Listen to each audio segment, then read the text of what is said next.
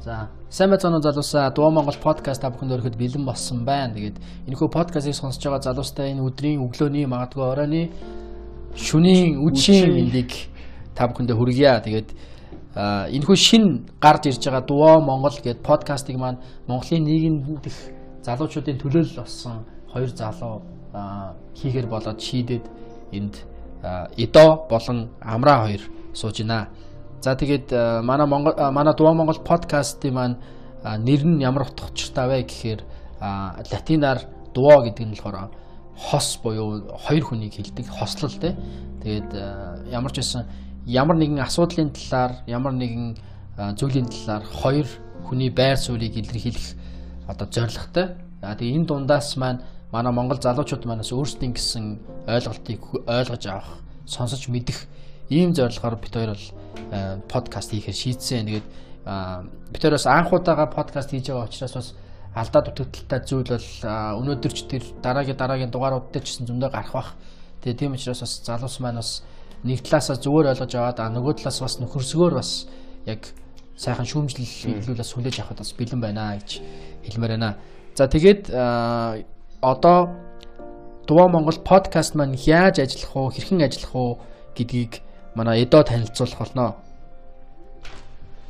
Сайн байцгаана залуусаа. Эдо байна. Тэгээд Дугаа Монгол подкаст нь хоёр хэсэгтэй байх бөгөөд 7 хоног бидний амьдралд болж буй үйл явдлыг тоомчлоо та бүхэнд яг онцлохыг хүргээд явна. А хоёр дахь хэсэг нь юунаас бүрч гэхээр бид нэг сэдв дээр нэг топик дээр өөрөнгөсөн үзэл бодлыг хоёр талаас нь өөрийнхөө өөрсдийнхөө байр суурин дээрээс болон бусдад үзэж байгаа одоо хэм бусдын бусад хүмүүсийн харж байгаа үнцг нь ийм байна. Нийгэм ингэж хүлээж авч байна гэдэг талаас нь ер нь тайлбарлаад давхар өөрсдийнхөө үзэл бодлыг давхар яриа юм. Тэгэхээр магадгүй таны санал бас бидэрт хэрэгтэй тийм болохоор нээлтээр энэ саналаа бидэрч бас ирүүлээрэ. Бидний хараагүй үнцгийг та харсан харж болно. Тэрийг ч өөр ч хүмүүсээс хараад явах боломжтой гэж бодож байна. Тэгээд Дуу Монгол подкаст та бүхэд хүрэхэд бэлэн болж байна. Шинэ он гарлаа. 2019 оноос 2020 онд монголчууд маань шинэ жилийнхаа баярыг сайхан тэмдэглэлээ. За тэгээд 12 цагтай уралдаад манай ерөнхийдөө Хатмаагийн Баттулган маань шинэ жилийнхаа үгийг хэлэхдээ нэгэн сенсацлог мэдээг Монголын ард түмэндээ дамжуулсан байт юм аа. Тэгээд энэ зүйлээс эхлээд хамгийн ихний яриагаа эхлэх ёстой болов уу гэж бодлоо. Тэгээд тэтгэврийн зээлийг тэглэх асуудлыг ерөнхийдөө үндэсний аюулгүй байдлын зөвлөл дээр зөвлөмж гаргасан гэж тэрийг тайлбарлсан хэлсэн. Тэгээд Ахмад буурлуудынхаа тэтгэврийн зээлийг тэглэх болсондоо баяртай байна гэж маш багтангуугаар сайхан хэлсэн байгаа. За тэгээд энэ асуудлаас болоод одоо нийгэм баг ингээд аюу хэцүү хоёр талтай талцлаа амар олон тодорхойгүй байдал үүслээ те. Тэгээ энэ зүйлийг чи яг юу гэж харж байна доо? Энэ дээр одоо өөрийнхөө байр суурийг эхлээд хилээч төхөө. Юу зөв үү буруу юу гэдэг юм уу эсвэл яг өөрийнхөө өнцгөөс яг хоо нэг талаас тэглэж байгаа нь сайшаалтай. Гэхдээ хоёрт бидний хувьд олон зүйл ахаа даван туулах хэрэгцээ шаардлага гарна. Тэрний үгээр нэгт олон улсын валютын сан дээр бид нар зээл авсан байгаа шүү дээ. Валютын сангаас. Тэгэхээр тэднийх болохоор одоо их мөнгийг ингэж хамаагүй цацаж одоо их халамж нэвтгэр гарах нь тэгвэл хоригдсан байсан. Тэгэхээр валютын сан дээр угаасаа маад дээр бол одоо их албан бичиг бол ирүүлсэн байгаа гэж би бодож байна. Хоёрт зээл тэглэнэ гэдэг байгаа. Энэ зээлийг хэрхэн гаргах вэ гэдэг нь болохоор салхитын мөнгөний орд гэдэг газраас бонд гаргаад тэрийг арилжааны банкуд одоо худалдаг ч юм уу барьцаалдаг ч юм уу тэгээд банкудаар гаргаж нийт бол одоо их Монгол улсад төрийн зээлд байгаа хөгшин настай хүмүүс маань ойролцоогоор тэр нэг 800 тэрбум төгрөг.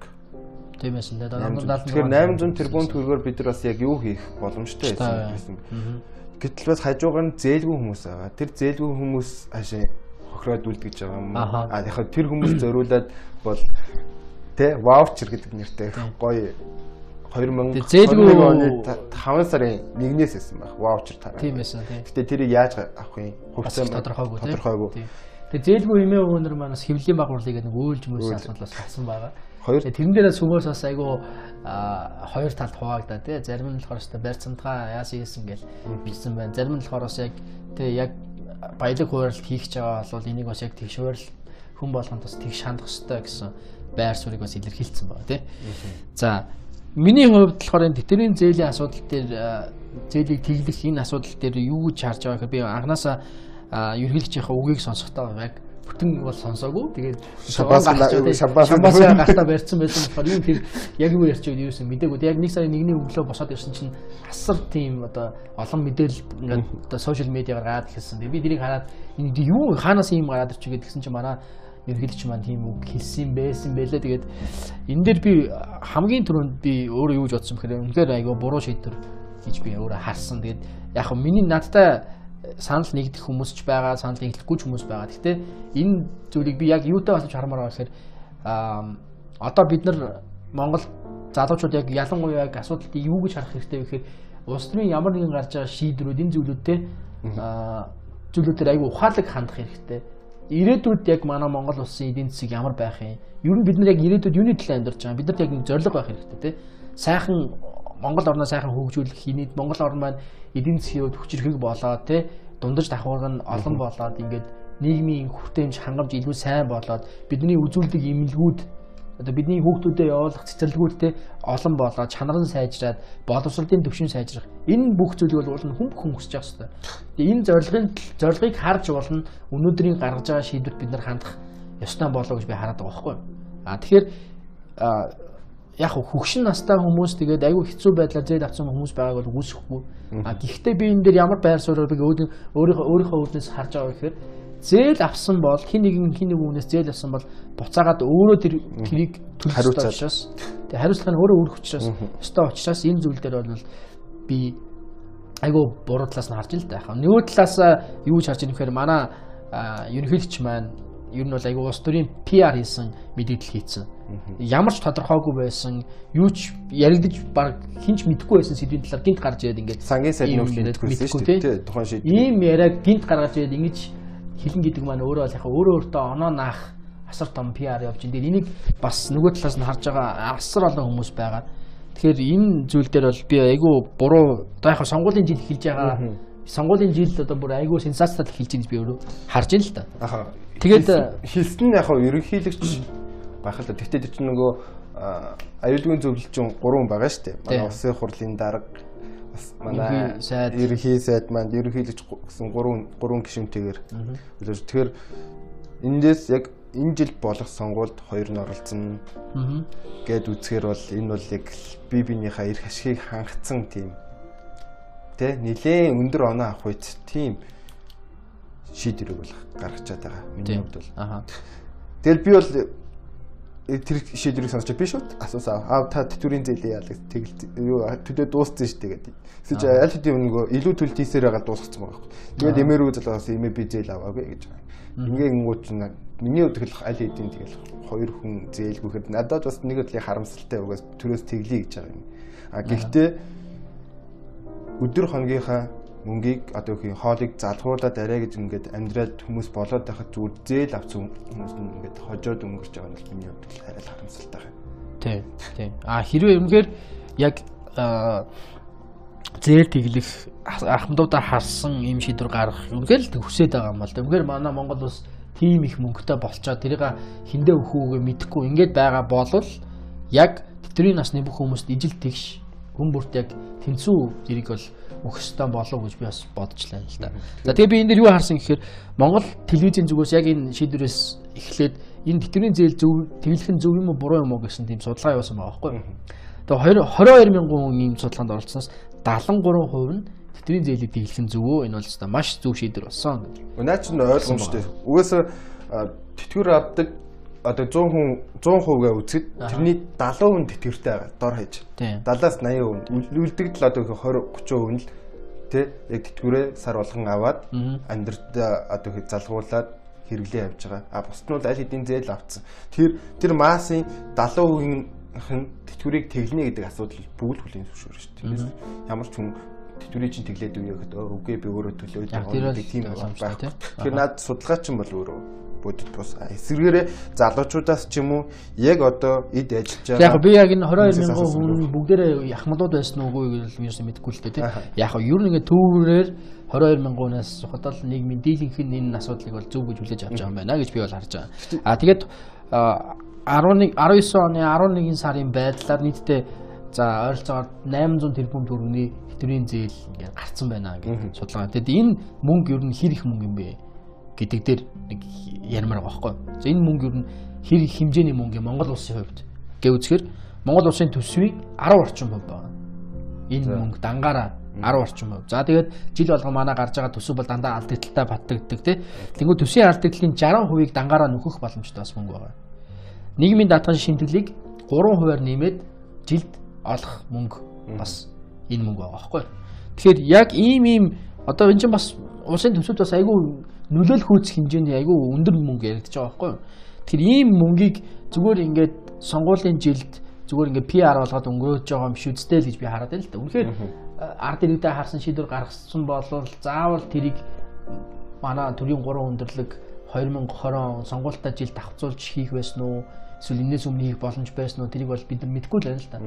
Миний зүгээр үүднээс миний харж байгаа хараагаар бас хардлагаар бол сонгуулийн жил эхэлж байгаад бол яалтч шууд холбоотой. Шууд холбоотой. Гэж бол би харж байгаа. Тэгээ бас нэг зүйлийг анхаарах хэрэгтэй. Энэ юу гэхээр салхитын мөнгөний орд гол юу болж байгаа шүү дээ. Их үүсвэр нь гэж ярьж байгаа. Тэгэхээр салхитны мөнгөний ордыг яаж авсныг та бүхэн бүгд мэдж байгаа. Яг жилийн өмнө шүү дээ. 1 сарын 10-нд юм лээ шүү дээ чинь. 1 сар 14. За нөгөө тагнуулынхан эдэр очоо хүчээр ороо. Манай одоо их хурлын дарга хийж байгаа юм байна. Таашаа гэж аль бүүнээр очоод тий тухайд бүгдийг одоо энэ асуудлыг шүүх цагдаагийн байгууллага төр шалгалтаа явж байгаа. Яг улс цагтын мөнгөний ордыг хууль ёсны дагуу аваагүй. Тэгээ өөрийн болгож авсан уу? Тэгэхээр бас энэ нэг асуултын хариултгүй асуулт бас яваад байгаа. Тийм. Тэгээ энэ чинь цаашаа энэ чинь эзэмшигчт нь хятад хүмүүс ээж. Тий, хоёр хятад хүн хоорондоо л асуудалтай байсан юм байлээ шүү дээ. Тэр чинь бол тийм. Тэгэхээр ер нь бол мөнгөний их усүр болсон салхитын мөнгөний орд маань өөр бас асуудал дагуулж магадгүй. Магадгүй одоо л нэг өнгөтөөр харж байгаа зүйл нь юу гэхээр өө салхитын мөнгөний ордны бонд хэлбэрээр одоо ингээ гаргаад л барьцаалал дараа нь арилжааны банкудад одоо үрийн тэглжнээ төрийн зээл үрийн тэглэнэ надад бол их л бүрхэг харагдаж байгаа зүйл. Аха. Тэгээ хамгийн гол нь энэ мэдээллийг маань хийсэн хүн өөрөө Монгол улсын ерөнхийлөгч байгаа болохоор айгүй асуудал дагуулад байна л да. А яг хууль ёсныхаа дагуу яг одоо эрх үүрэг хэмжээ хязгаарынхаа дагуу ярих юм бол энэ зүйлийг бол Монгол улсын ерөнхий сайд энэ ажлыг толгойлох хэвээр энэ шийдвэрийг бие даан гаргах хэвээр. Тэгээ тэрийг хүмүүст бас танилцуулах хэвээр шүү дээ. Яг бол манай Монгол улсын парламентын засаглалтай ерөнхий сайд нь гүйцэтгэх засаглалын тэргүүн хийдэг. А манай ерөнхийлөгч бол ив нэгдлийн бэлэгдэл тэгээд одоо юу гэдэг төсөв төвчний ерөнхий командлагчтай тийм л өргөтэй хүн шүү дээ. Уул нь бол а тэнгууд одоо яг одоо манай Монгол улсад байгаа үүссэн байгаа үндсэн хуулийн өөрчлөлтгээ сая өнгөрсөн жилд ингээ боллоо. Гэхдээ яг үүндээ бол парламентын засаглалтай юм шиг боловч ерөнхийлөгчийн эрх мэдэл бол хитрхи их бас ороод ирсэн. Ерөнхийлөгчийн бас ийм одоо нөлөө бас асар их байдаг болцсны жишээ нь одоо сая одоо энэ шинэ жилийн үеэр гарлаа л да. Би бол тийж харж байна. Яа тэгэхээр ерөнхийлөгч маань өөрөө айгүй тийм их мэдлэг ихтэй ярьж байна одоо энэ засгийн газрынхаа өмнөөс баг ингээд ярьчих чинь гэдэг бол бас нэг талаас бас айгүй бодож үзэх асуудал гэж бодоод байна л. Тэгээ бэлэн мөнгө тараах ийм халамжийн бодлого баримтлах нь өөрөө юу нэг хэр зөв юм бэ гэд ингээ хараад үзэхэд бол надад нэг ийм факт байгаа. Аа долларын ханш Монгол төгтөй харилцах долларын ханш а Монголын түүхэнд хамгийн анх удаа 1999 он 1000 төгрөг авсан байдаг байхгүй. За тэгэхээр би бол 1999 он гэхэр чинь За арчлал Монголд орж ирснээс хойш нэг 10-аад жилийн дараа 1000 төгрөг төгсөн байна. За дахиад 10 жилийн хаваад үсэх юм бол 2008 онд долларын ханш бол 1200 төгрөг байсан. Тэгэхээр 1000 төгрөгөөс 1200-ийн хооронд 10 жил өссөн байлаа гэж бодоход бол би бол тэрийг бол баг амжилт гэж хараад байгаа байхгүй. Айгүй баг багаар графикаар өссөн тий. 1000-аас 1200 болсон гэдэг бол миний хувьд бол мөнгөний ханш ямар байсан бэ гэдгийг харагдаж байгаа байхгүй. Тийм. Тийм байсан байна. А Тэр бас манай Монгол улсын эдийн засаг ямар байсан бэ гэж харах юм бол дан ганц эрдэнэт дээр бол суурилдаг байсан бол үнэн. А 2008 оноос хойш юу өөрчлөгдсөн бэ гэхээр одоо том том эдийн засгийн стратегийн ордууд бол ашиглалтанд орж ирсэн. За оюутлогоо байна, таван толгой байна. Энэ одоо эдийн засгийн хөшүүрэг болсон энэ одоо уул уурхаанууд явж эхэлсэн. За энэ эдийн засгууд явж эхлээс өмнө улс төрийн намууд юг харсан бэ гэхээр 2008 оны сонгуулиар за бидний бол жоохон багтал юу гэж ярьжсэн гэхээр аачлсан намынхын одоо эрдний хөв гэдэг Аа яг. За иргэн бүрт 1 сая төгрөгийг өгнө. Одоо энэ улсын баялагаас хүн бүрт 1 сая төгрөгийг хувааж өгнө гэсэн тийм яриа гарсан. Маргааш нь Монгол ардын хувьсалт нам одоогийн Монгол ардын нам шүү дээ. Аа Санжин Баяр гэдэг манай ерөнхий сайд байсан хүн. Тэр хүнээр толгойлуулсан Монгол ардын хувьсгалт ам ямар амлалт өгсөн бэхээр их орны хишиг сая 500 мянган төгрөгийг хүм иргэн бүрт олгоно гэсэн ийм одоо бодлого ярьж хоорондоо өрсөлдөж гисэн. За тэгээд энэ эцсийн дүндээ одоо Монгол улсад яаж нөлөөлөв гэд ингээд харахаар бол ерөөсөө ямар ч одоо эрг зүйл бол Монгол улсад ирээгүй байд. За 12 жилийн өмнө буюу 2008 онд манай ядуурлын төвшин бол 30% таа байсан. Одоо 2020 он 30% таа. Энэ бол ямар ч өсөлт байгаагүй гэж их харуулж байна те. Ам долларын ханш 1200 төгрөгөөс бол одоо 2800 даваад буцаж буугаад нэг тэр хавцаа байна те. За энэ бол угаасаа шууд хилээд өгнө л да. Одоо энэ халамжийн бодлого гаргах, бондор мөнгө гаргах, за тэгээд мөнгө хэвлэх энэ бүх эдийн засгийн ийм бодлогод чинь эцсийн дүндээ юу юуг одоо биднэрт өгөөд байна вэ гэхээр бидний гар дээр ирж байгаа мөнгө маань нэмэгдэж магадгүй, сайхан болчих магадгүй. Гэхдээ худалдаа авах чадвар нь эргээд бүр муудаад яваад байна гэдгийг л илэрхийлсэн тоо баримтын болов гэж харж байна. Инфляцийн хувь тэр үед бол 6% таа байсан бол одоо 5% таа л байна. Нэгсэндээ хийдимийн мөнгийг хитрхи их сонгуулийн амралтаар өөр нь бол гаргаж байсан. Жишээлбэл тэ нөгөө гэр бүл болох юм бол 500 сая төгрөг хүүхдийн мөнгөө дүүн тэ Тэгэл учир үгүй баахан хүмүүс бас хоорондоо гэрлэл 500 мянга дараа нэг салгуулах гэдэг баахан шүүгээр явсан бас факт байдаг шүү. Тийм тийм болсон тий. Тэгээд ингээд нийтдээ нэг 2008 онд нэг юм амлалт яваа. Тэр амлалт ч бас шууд биелээгүй нэг 10 10 оноос эхлээд хэрэгжиж эхэлсэн. Тэгээд энэ 2010 оноос хойшоо зөвхөн юм халамжийн бодлогод Монгол улс нийтдээ 3.3 их найт төгрөгийг зүгээр ингээд цацсан байгаа байхгүй. Тэгэхээр энэ зүйлийн хор уршиг нь эргээгээд яаж одоо биднэрт задуу үеийнхэн ирээдүйн хойч үеийнхэнд ирж байгаа юм бэ гэхээр үр зээлтэй гаднаас бонд босгосон. Тэгээд эдийгээ эргээгээд төлөх ёстой.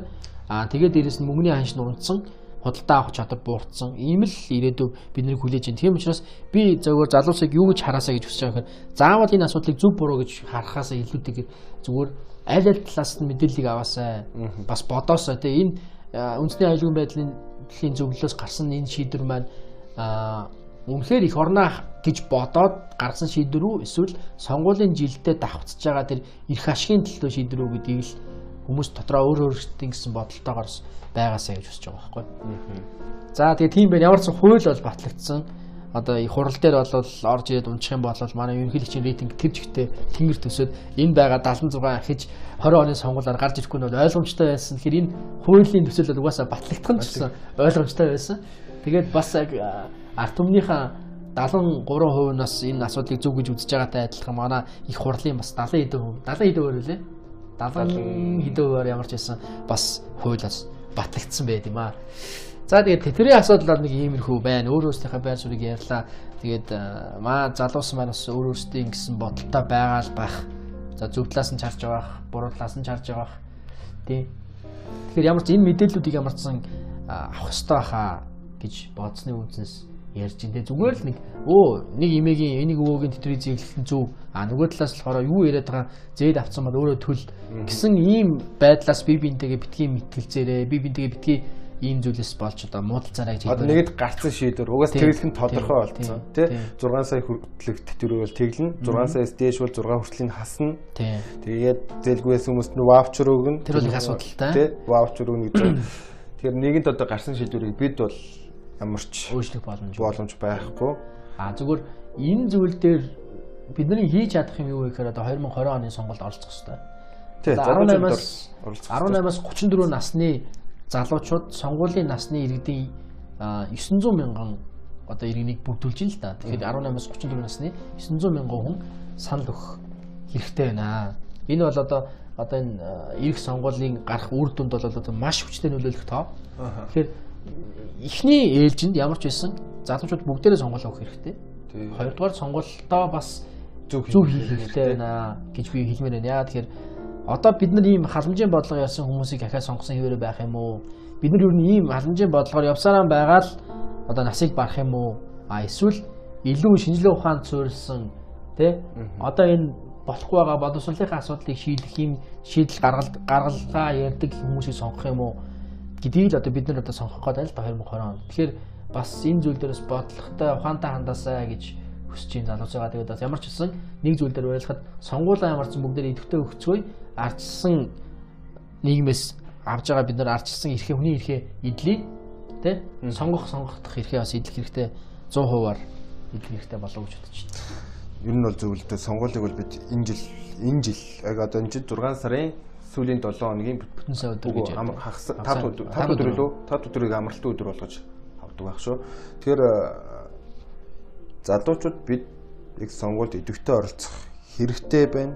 Дээрээс нь би нэг саяхан нэг мэдээлэл уншиж байхад ажлах хүч нь илүү эсвэл Монгол улсын нийт хүн амын дундаж наслт гэсэн чинь 28 гэсэн тоо орж ирлээ. Ажлах хүч нэ. Ажлах хүч нэ. Ажлах хүч нэ. Ажлах хүчний дундаж наслт нь 28 гэдэг чинь залуучууд яг сонгуул яг одоо татвараа төлөөд явж байгаа энэ хүмүүс бол тийм миний төлсөн татвараар ус үйл ажиллагаа үйл ажиллагаагаа явуулж байгаа шүү дээ. Тэгэхээр залуучууд бид төлж байгаа мөнгөндөө дүүцгэл саналыг бас өгөх нь байна. Оролцох, нийгмийн оролцох, нийгэм одоо нийгмийн идэвхтэй байх хэрэгтэй. А ихтэй мэдээж хэд туйширсан тийм одоо талбай дээр чагсаал цуглаа хийгээ төрийн хэрэгэлт хий гэдэг тийм зүйлд бол би уриалаагүй. Ямар ч байсан хийх ёстой зүйлээ урд уртгаа ажиллаа сайхан хийх хэрэгтэй. Аа тэгтээ энэ улс төрийн шийдвэрүүд энэ зүйлүүд дээрээс ухаалаар хандах хэрэгтэй. Мэдээж бид нэр өөрчилж чадахгүй ч гэсэн сонгуулаар бид нэр эрхээ эдлээд энэ зүйлийг цааш нь яах вэ гэдэг өөрсдийнхөө хувь нэмрийг оруулах хэрэгтэй болов. Тийм. Сая үндсэн хуулийн өөрчлөлтөөр чинь бас нэгсэн шүү дээ.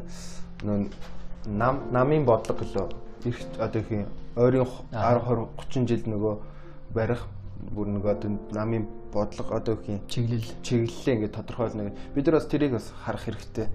Тийм. Яг тэрийг ярих юм бол бүр өөр сэдвээр хайлаа дараа бас ярьж болох хэрэгтэй. Усны намуудын талаар энэ улс төрийн намын чиг баримжаа гэж ярьдаг. Тэгээ манай Монгол улсад бол яг үндэ бол чиг баримт одоо яг ийм зарчим барьж явдаг. Тэр зарчмынхаа дагуу мөрийн хөтөлбөрөөр боловсруулдаг нам бол одоохонд бол байхгүй. 30 эдэн намтай гэж ярьдаг ч гэсэн. А халамжийн бодлогоор гарч ирсэн намууд бол сайн хэрэгжүүлж байна. Тийм. Тэгээд тийм л байна. Тэгээ эцэст нь хэлэхэд бас 28 настай хүмүүсд одоо гинэ Монгол улсын 28 настай над чиг хүмүүс бол амьдралынхаа талдаа орцсон явж шүү гэдгийг бас хэлмээр байна гэдэг.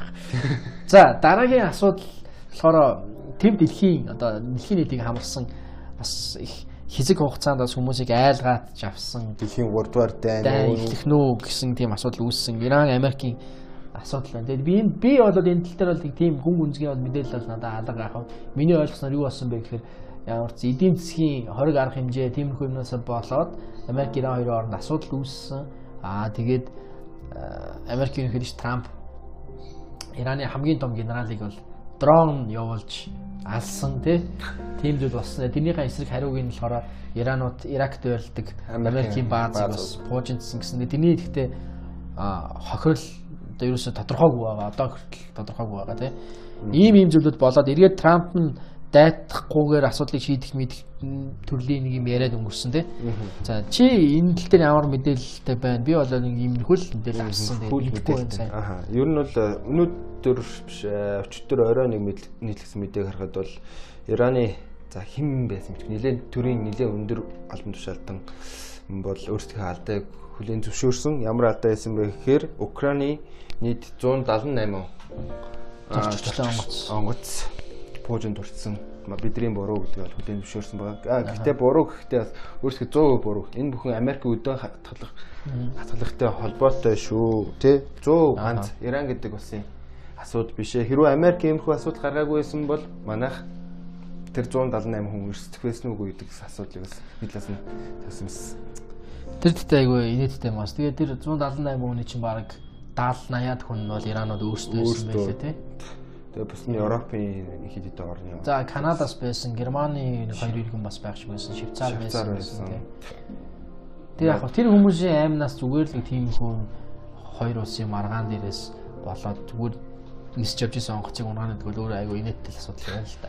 А нөгөө талаас тэр нөгөө нэг Ираны генерал чинь алдсан гэдэг дараа нь оршуулга оршуулах хэсэл нь боллоо шүү дээ. Баах хүмүүс ч үүмэн замраа амар замраагүй байдал болол Тэр замраагүй байдлын үеэр 50 хүн хүний хөлт дарагдаж нас орсон байна.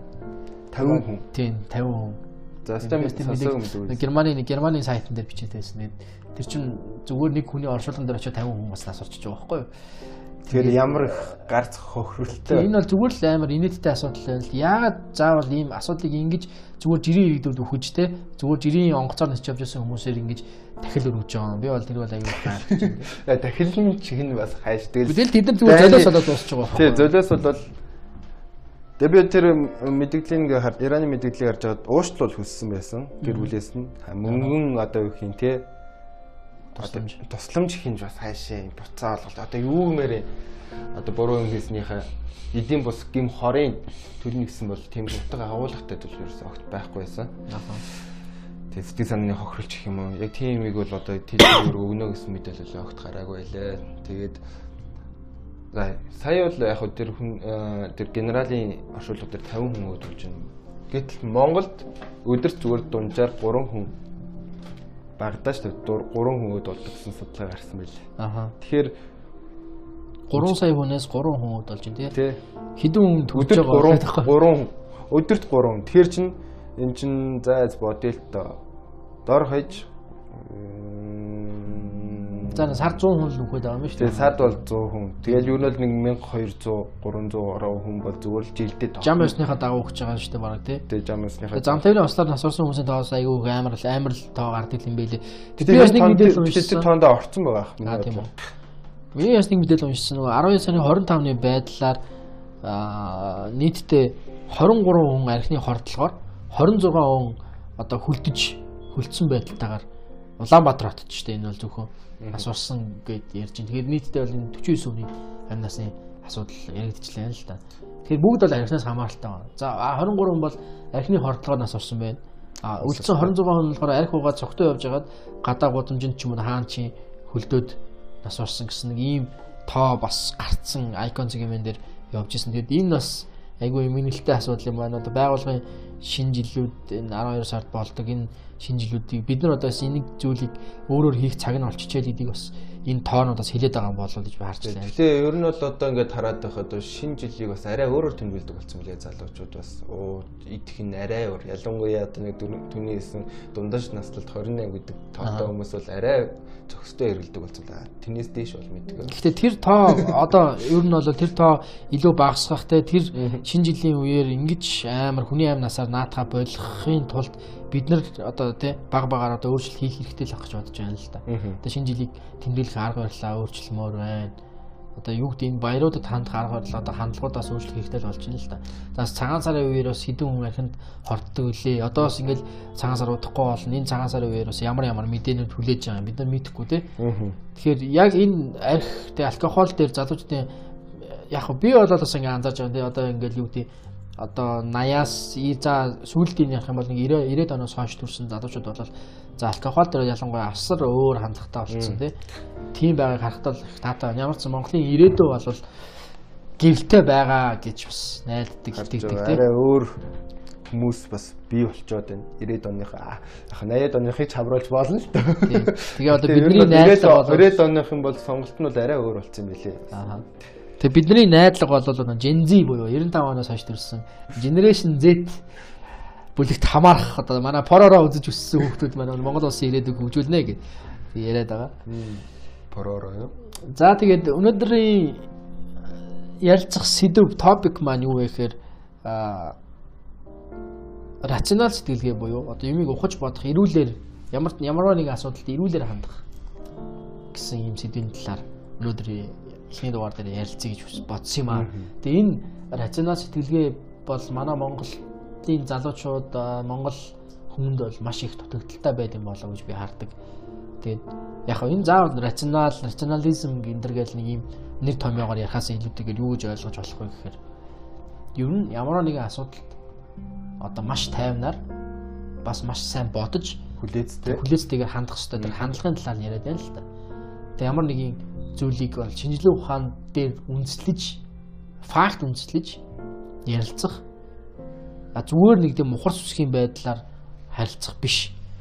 Энэ одоо бодох энэ зүйлийг л одоо рационал бодох те эрүүлэр эрүүл саруулаар бодох гэсэн ийм сэдвийн талаар би өнөөдөр ярмаар байна. За. За чи одоо энэ бодлын талаар юу юу гэж бодож байна? Энэ рационал сэтгэлгээ гэдэг байгаа энэ талаар юу гэж бодож байна? Резонанс сэтгэлгээ. За яг миний хувьд бол юм хэр мэдээлэл бол яг баг байна. За. Гэхдээ зүрх хэллээ шүү дээ. Альва аа шийдвэр, альва зүйл дээр мэтгэлцэх яг энэ үйл явц дээр эрүүлэр хүлээцтэйгэр хандна. Яг монголчууд дутагдаад байгаа хаас зүйл. Би зүгээр л жижигхэн зүйл дээр л дүрс хийгээл уралдаг нөгөө өхөр монголчууд гэж яриад байгаа шүү дээ. Яг тийм. Ер нь бол дандаа инхийн замаар биш дандаа хүч хэрэглэг. Асуудлын нүг заавал хэцүү тал руу гардаг, тийм. Сүрж гардаг. Миний бас би би өөрөө яг тийм байхгүй. Шууд ямар нэгэн таалдахгүй байх юм бол да шууд эсэргүүцэн. Миний бас нэг сул тал. Магадгүй өнөөдрийн сэдв надад бас нэлээд За яг хөө тий. Тэгээд яг хүн болгонд л хэрэгтэй л сэтэл байх л та. Яг би бас яг өөрийнхөө амьдрал дээр бодох юм бол бүх зүйлийг рационалаар буюу эрүүл ухаанаар яг эрүүл ойлголтоор шийдэж чадж байгаа нэг мэдээж үгүй. Хөө тэгж чаддаг хүн байдаг л бах тий. Гэхдээ энэ сэтгэлгээ яг нийгмийн массыг хамрах хэрэгтэй байна гэдгийг л аяга ойлгоод байна л та. За тэгэхээр юу вэ? Энэ рационал сэтгэх юмыг эрүүлэр сэтгэх энэ факттай тий ямар нэг зүйлийг аяга баримттайгаар ярьдаг ямар нэг зүйлд аяга баримттайгаар итгэдэг ямар ч мэдээнд баримтанд тулгуурлаж иж би өөрийн гэсэн тэр ойлголтыг авдаг энэ зүйлийг одоо бий болгох Монголын нийгэмд бий болгоход юу саад болоод байгаа юм бэ гэж бодож үзлээ л дээ. За За нэгдүгээр бол хамгийн том саад болж байгаа зүйл нь мухарс. мөхсгэ. А нөгөө одоо ширээн дээр сууж болохгүй орондоо дууж болохгүй гэдэг тийм мөхс. тэгээд одоо зөндөө л одоо мухарс шүү дээ. Одоо жишээ нь одоо ном уншуулж байгаа ч дээ ингэж тэгчээж. За эсвэл чиний амьдрал чи ийм зүйл хийсэн учраас инглээ тэглээ. Энийг л Зурхан мохоор сүсэг мөн үү? мөн штэ. Мухарс мөн штэ. Зурхаагаар бид нар зурхаа харж амьдрах байсан бол би юу хийн. Тэгээд тэгвэл зурхаагаа хараад зурхаагаа дагуул амьдрах байх хэрэгтэй байхгүй. Хүний ирээдүйд болох ч байгаа зүйлийг хэлж өгнөдөг бол амар утгагүй асуудал гэж бодож байна. Хүн хүн өөрийгөө бүтээдэг. Хүн өнөөдөр юу хийн тэрийгээр маргаашийн биел өөрөө бий болоод явна. Тийм учраас Монголын монголчууд нийтлэг байгаа энэ мухар сүсэг болоод монголчуудыг эрүүл сэтгэлгээний гэсэн нь үнэхээр салгаж чадж байгаа. За энэ мухар сүсэг хизээ хаана яаж үүссэн тэрний талаар бол би сайн мэдэхгүй. Гэтэ энэ зүйлийг бид нар бол хаях цаг үнэхээр болцсон мухарс шиг ялангуяа. Чиний урд дор хар муур гүүн үү хамаагүй. Чи найзтайгаа ханд явж байгаа голоор чинь шонгийн мод өнгөрнө үү? Тэр зүгээр л амьдрал тохиолдог тохиолддог асуудал واخгүй яг үндэ. За мохор сүсгүүд бол би бол ерөөсөө тоодгүй ширээн дээр суун орондоо дуулуул дуулна. Аха. Тэстэ нөө зурхаа харахгүй ч үсээ засуулна Тийм. Ерөөсөө өдөр судар бол би хардгүй. Муур явж л байна тэр надад ерөөсөө огт хамаагүй. Тийм хар муур чи 3 удаа гарвал чам юу юм тохиолдно гэж. Гурван удаа гэдэг юм. Бүр нэг зарим хүмүүс ч бүр нэг нэг л гэнгүүд буцаа явчихдаг шүү дээ. За тэгэл нэг хэцүү эвгүй мэггүй юм ярьсны араас төв төв гэж нэг шийдэх бол тээ. За тэгэл зөндөө л нэг тиймэрхүү мухарсгийн асуудлууд угаасаа л байгаа. Тэг ялангуяа шашинтай холбогдолтой асуудлууд байна. За тэгэл тэр гандан дээр зүгээр нэг гэрлийн шонгийн мод байсан мод одоо ингээд хүмүүс мөрөгдөг мод болцсон байна мэн гэж итгэл там гээл тэнцэн чинь нэг мумигийн шарил марил байдаг шүү дээ. Тэгээд тэр муми дээр очиж мөргөн тэр яг өндөө зүгээр л мэд Байдаг, хүн зандаршуулсан шарилж юм. Ямар ч гэсэн би бол очиж үзсэн. гоё чи бол их ажил төрөлчин бүтсэн. Миний ажил төрөл бүтсэн бүтсэн. За тэгээд нэг ийм хүмүүсийг ирүүсгэхэд бол хамгийн том саадалж байгаа юм бол миний бодлоор бол мухарс зүг байна. А хоёрдугаар мухарс гэдэг нэмээд бол шашинлаг байдал шүү заяа. Би тэгж бодож байна. За дараагийн зүйл юу гэхээр хар PR. За яг би бинийгаа одоо харлуулдаг энэ сонгуулийн үеэр явдаг хар PR-аас гадна энэ сошиал медиагаар явж байгаа энэ 9 бусан юм мэдээнүүд явж байгаа. Шүүл төргөө явж байгаа. Шүүлтүргүй явж байгаа бо. Тэгээд эдгээр ямар ч фактгүй. Зүгээр одоо ингээд худал үг худ за ингээд худал мэдээлэл байдаг гэж бодъё л та 100% авч үзсэн худал мэдээлэл. Худал мэдээллийн 100%-аас 10% наслаа 90% хувь нь худал мэдээлэл дээр нэмээд 10%-ийн нэг үнэн мэдээлэл оруулаад цац. Монгол яг юу яг л ийм л одоо бодлого яваад байгаа болоо гэж бодчихлаа тэг. Үнэн чим шиг нэг юм ороод ирнэ. Тэгснэ ихэнх хувь нь худлаа. Тэгээд тэнгүү тэр мэдээ яадаг гэхээр нийгмийг тэр чигтэн тархдаг. Яг хүн болгон тэрийг яг тэр байдлаар шууд хүлээж авдаг. Тэрний хамгийн том жишээ юу вэ гэхээр одоо яг ингээд актуал Монголд од болж байгаа ч юм уу ямар нэгэн киноны жүжигчин ч юм уу юу ч дуучин ч юм уу тий тийм хүмүүсийн нэрийг ашигласан пэйж уузнаа гээл give away зарлж байна. Тэ энэ постыг шеэр хий лайктаар найзаа меншн хий. Тэгээ уруу За найзаа тэнгух юм бол би iPhone 11 үгүй эсвэл одоо юу ч үгүй. Машин ч үгүй, байр ч үгүй, янз янзын юм үгүй. Тим имийг бүгдээрээ шеэрлээл ингээл явж байгаа. Би зүгээр тийм постны лайк, шеэр, хандлт ямар амар байгааг хараад "Ой, бурхан минь ийм олон хүн зүгээр ийм асуудлыг ийм одоо тий шүүлтүргүй ингэж хүлээж авч байгаад байг харамссан байна. Гол нөгөө технологиг хэрэгжилж чадж байгаа нэг талаараа сайшаалтай. Гэхдээ одоо хөө энэ яг үнэн бодит мэдээлэл үү гэдгийг харахгүй нэгсэн их сурвалжийн ерөөсө тодруулахгүйгээр тий Тэгээ шууд шүүлтүргээр шууд тэр харснаа оо ийм юм бэ гээ хандж байгаа нь өөрөө жоохон хөөрхилтэй байгаа байхгүй. Тэгээд хамгийн гол нь тэрийг асууж хааш цаашаа ярина л да найзуудтай. За тэр тэгсэн байлээ дээ ингэсэн байлээ. Оо тий хань тий гэсэн гээд. За яг энэ ямар ч асуудал дээр зүгээр хүн мэдхгүй байгаа юм а ярих шиг л хэцүү юм байхгүй. Сайн тэр зүйлийг мэдж гин үү мэдж байгаа бол ярмаар байна тий. Аа мэдхгүй байгаа зүйлээ ямар ч фактгүйгээр шууд ингээл тим ийм гээд ингээд яриа авч байгаа өөрөө айгүй том хор уршигтай байгаа тэл ялангуяа Монголын нийгэмд. За тэгээд энэ одоо юу гэдэг эрүүл ухаанаар сэтгэх энэ зүйлийг биднэрт болно суур боловсрлаар бол буюу ерөнхий боловсрлын системээр бол олгогдсон хангалттай. Хангалттай байгалийн хангалттай олгогдсон байх хэрэгтэй байхгүй юу? Байгалийн ухааны хичээл физикийн хууль. За одоо юу ч хэдий физикийн хуулиуд байна. Одоо ингээд математикийн онолууд байна тий. Энэ зүйлээ 2 дээр 1 хүн 2 тэнцүү 4 байхгүй л да. Тэнгүүд л одоо хар PR одоо янз янзын шашинлыг зүйлүүд 2 дээр 1 хүн 2 тэнцүү 5 байж болно гэж хүнийг мөнхруулаад явж байгаа. Тэр энэ зүйлүүд дээр бид нар яаж хандах хэрэгтэй вэ гэхээр факт гэдээ яриад байгаа шүү дээ. Ямар нэгэн заавал факттай байх хэрэгтэй. Заавал мухарл асуудлыг заавал мухарл. За ялангуяа чи бол ингээд хууль зүйн салбарт ажилладаг хүн тий. За жишээ нь би бол одоо нэг хүний жишээ авъя л да. Прокурор хүн байлаа. За прокурор хүн бол бас ямар ч хэрэг дээр хамгийн чухал үргийг гүйцэтгэж байгаа хүн. Тэ? Тэр одоо улс одоо монголоор бол прокурор ч юм бол яллагч гэдэг яриад байна. Улсын яллагч гэж яриад байна. Тэгэхээр шүүхэд одоо ямар ялын саналтай оруулах уу, яах уу, тий? Эсвэл мөрдөн байцаалт нь буцаах уу гэдгийг бол прокурор хүн шийдээд шүү дээ. За тэгэнгүүт прокурор хүн ямар ч асуудлыг зүгээр л мухалхгүйгээр ингээд өөрийнхөө итгэл үнэмшилтээр хандаад шийдээд явах явчихж байгаа да ялгаагүй байхгүй юу. Тэгэхээр яг энэ зүйл одоо юу гэдэг рационал сэтгэлгээ бол хамгийн их байх хэрэгтэй хүмүүс бол манай прокурор байхгүй юу. Энэ зүйлийг одоо өөрийн сэтгэл хөдлөлтөд автахгүйгээр бүх юмыг мухарлаад факттай, баримттай болгосныхаа дараа тэрийг хууль ёсныхаа дагуу шийдвэр шийтгэлийн өгөөд ингээ явж явах хэрэгтэй. Яг хаа яантач яг ярьсан нь л ганц прокуроргүй шүүгч нар л байна. Бүх тийм бүх хүн. Би зөв жишээ авахад бол прокурор дээр гэж авч үзэж байгаа байхгүй. Тэгэхээр асуудлыг мухарлах хэрэгтэй. Би тэр хүн дуртай дургаар хамаагүй яг тэр хүн тэр зүйлийг хийсэн үгүй юу биднийг ярих хэрэгтэй байхгүй. Тэгээ би яхаа зөв энэ дээр яг зөв жишээ алгаад нэг яриа гэж бодож ирсэн юу гэхээр манай одоо ус төрийнч бай одоо ингээд сүүлийн баг 20 30 жил амар их ягдж байгаа нэг асуудал шүү дээ. Манай төр нийгмийн төр нийгмийн нэр зүтгэлтэн санжаа сүрэнгийн зориг ахсны хэрэг те энэ хэрэг бол ингээд зүгээр шоу болоод ингээд дуусж байгаа. Сонгуул болгоноор гарч ирдэг. Тий. Тэгээд дуртай улс төрч болох нь энэ зүйл дээр өөрийнхөө байр суурийг илэрхийлж янз янзын юм ярьдаг те. Энэ зүйл бол одоо үнэхээр асуудалтай. Тэгээд одоо тэр эрүүл одоо ингээд 3 хүн бол ингээд ял эдэлж штэ шорн. Эрүүдэн шүүсэн тэрээгээ. За эрүүдэн шүүсэн гэсэн асуудал гарч ирлээ. Гэхдээ бид нар энэ дээр ямар байр суурьтай хандах вэ гэхээр Мэдээж ирүүдийн шүүсэн бол буруу. Хүний эрхэнд халдсан бол буруу байна. А тэглээ гээд энэ хүмүүсээс сул гэж яриад байгаа бол үнэхээр инээдтэй асуудал байхгүй юу да. Миний бодлоор бол одоо манай нямд орж сайд маань нэг хэсэг их ярьж чад одоо чимээгүй болцсон. Тэр гурч одоо судлахгүй бол болохгүй. Тэр гурч байх хэрэгтэй нэг чимгээ содон дарж агаад хоёр хүнийг судлах хэрэгтэй гэж маш их ярьж байгаа тийм. Тэгээ Бацаандан манай Попи хаан Бацаандах бас их ярьсан. Усын хурал дээр ерөн шүлж байгаа тийм үзүүлсэн тийм. Бүр шүүлдэл бүр олон нийтэд үзүүлсэн. Яг хаа энэ зүйл дээр би юу гэж харж байгаа гэхээр ирүүдэн шүүсэн бол буруу. Хүний эрхийн талдсан бол буруу. А тэр тэр зүйлийг хийсэн хүмүүст хүмүүст нь хариуцлага хүлээх ёстой. А гэхдээ энэ хүмүүсийг шоронгоос гаргах гарахгүй гэдэг асуудал юун дээр тогтчих ёстой вэ гэхээр зоригийн хэргийг үйлдсэн үү үгүй юу гэдэг дээр л байх ёстой байхгүй? Тэгэхээр хүн болгон өнөөдөр тэр гурван хүнийг судлах ёстой гэж харахаасаа илүүтэйгээр нөгөө асуух ёстой асуулт нь юу вэ гэхээр энэ гурван хүн яг хэргийг хийсэн үү гэдэг байхгүй юу?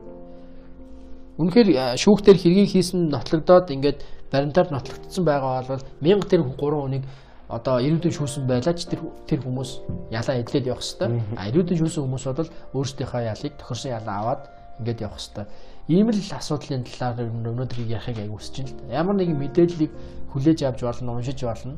А гэхдээ тэр нь үзүүлж байгаа хариу үйлдэл маань ямар байх хэвээр болоо.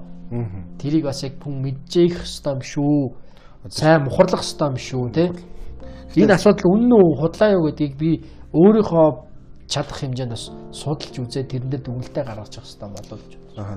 Дахиад нэг жишээ авахд бол сая бидний сайн мэддэг холны танил дуучин амархуугийн асуудал нь хар тамхины асуудал. Тийм ээ? Тий, тий, тэдэр шүү дээ. шүүхээс хөлөө нэгдүүлсэн. Давх дээр хэргийн мөрдөн байцал буцаагаад батан далтаар гаргацсан байсан баха. Тэгээд тийг санаж байна. Аха. Тэгээ яг анх бол анхан шатны шүүх бодтой нотлох баримтыг үндэслээ тэр хүн хэрэгэлсэн үү эсвэл худалдан борлуулж исэн гэдэг мэдээж л тэр бол нотлогдсон байгаа бол ялыг өгч байна. Аха. Гэтэл огт а одоо хин нотлогдоог байгаа юм шиг авижид давх давхаас буцааж байгаа нь болж байгаа нэг талаасаа өрөөсөлт. Тэгээд э, тэр хүн гарч ирээд юу гэж нэ ихээр холбоо байгуулж байгаа хар тамхины эсрэг гэсэн нэг тиймэрхүү тийм зоригтой нийгмийг тэгснээ буцаагаад юу яаж байгаа нэг дуу гаргаж авах шиг байгаа юм. Тэгэл хүмүүс нөгөө ни- нийгэм маань их өрөвчин болохоор буцаагаад өрөвтэй за яг та аавын хүү ганц алдаа алд үз нэг удаа уучлах ч тэг яг. Хүн нэг л үйлдэл хийсэн бол тэр үйлдлийн хариуцлагыг 100% Заавал хийж өгөх өгч шүү дээ. Монгол тэрийг бол хэрэгжилж болдгүй бол Тэгээд хэрэглэхгүй шүү дээ. А, Эсвэргээрээ тэр галлан малланд байсан хэрэглээ явдаг бол хамаалах хуулийн хүлийн зөвшөөрөл. энэ асуудал дээрээс нэг хүмүүс нэг би нэг комент уншсан юм амархуугийн баригдсан баригдсан гэдэг э, хэсэг юм болж байгаа чинь. За най хүмүүс мэн зүгээр найзаал зөв сонго. Амархууг найз нь бариад өгсөн юм байлээ. Гэсэн нэг тийм комент уншлаа би. Тэгээ одоо тэр комментны зорилго нь одоо юу юм гэхээр хар тамхи зүгээр тат зүгээр хэрэгэлтэй. А гэхдээ чи найзаа зөв сон барьж өгөхгүй хүнтэй л найз гэсэн нэг тийм одоо тийм логик цаана логикоор бодох юм бол тийм логик гарч ирээд байгаа юм л. Би хар тамхи татчих болно хамаагүй те хэрэгжилж болно. Хэрэгжилж болно. Амгууд бол мөрөө байхгүй. Найз нь хог байгаа байхгүй те. Тэгэхээр бас хүмүүс найзаа зөв сонгох ёстой байлээ л дээ. Би одоо ерөөсөө мдэггүй л явуулчихсан. Тэрийг өнөөдөр өнөөдрийг хүртэл мдэггүй л явуулчихсан. Тэгээд иймэрхүү нөгөө одоо юу гэдэг улс төрийнхэн дунд ч байна, урлаг соёлынхын дунд ч байна.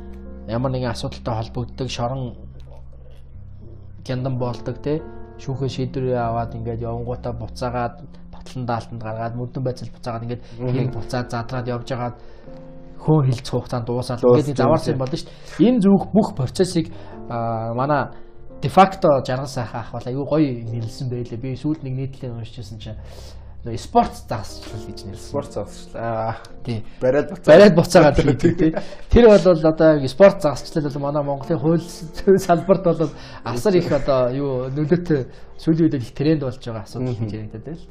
461 руу аваад хордог 2 сарын дараа буцаагаад гаргадаг тий. Тэгэл нэг э, яг л нэг тийм спорт засчлал маркетинг улс төр одоо хуулийн юм яваад байна л да. гоё ер нь бол зүрлцсэн юм шүү. Спорт завс. Тийм би бас их тэрийг их гоё зүйлсэн байна гэж бодчихлаа. Тэгээд э, дараагийн 7 хоногт эргээд уулзахад ямар сэдвүүд манай улс төр нийгмийн хүрээнд өрнсөн байна тэр зүйлийн талаар ярина. Тэгээд бас шин сэдвтэйгээ эх 7 хоногт эргээд уулзцгаая.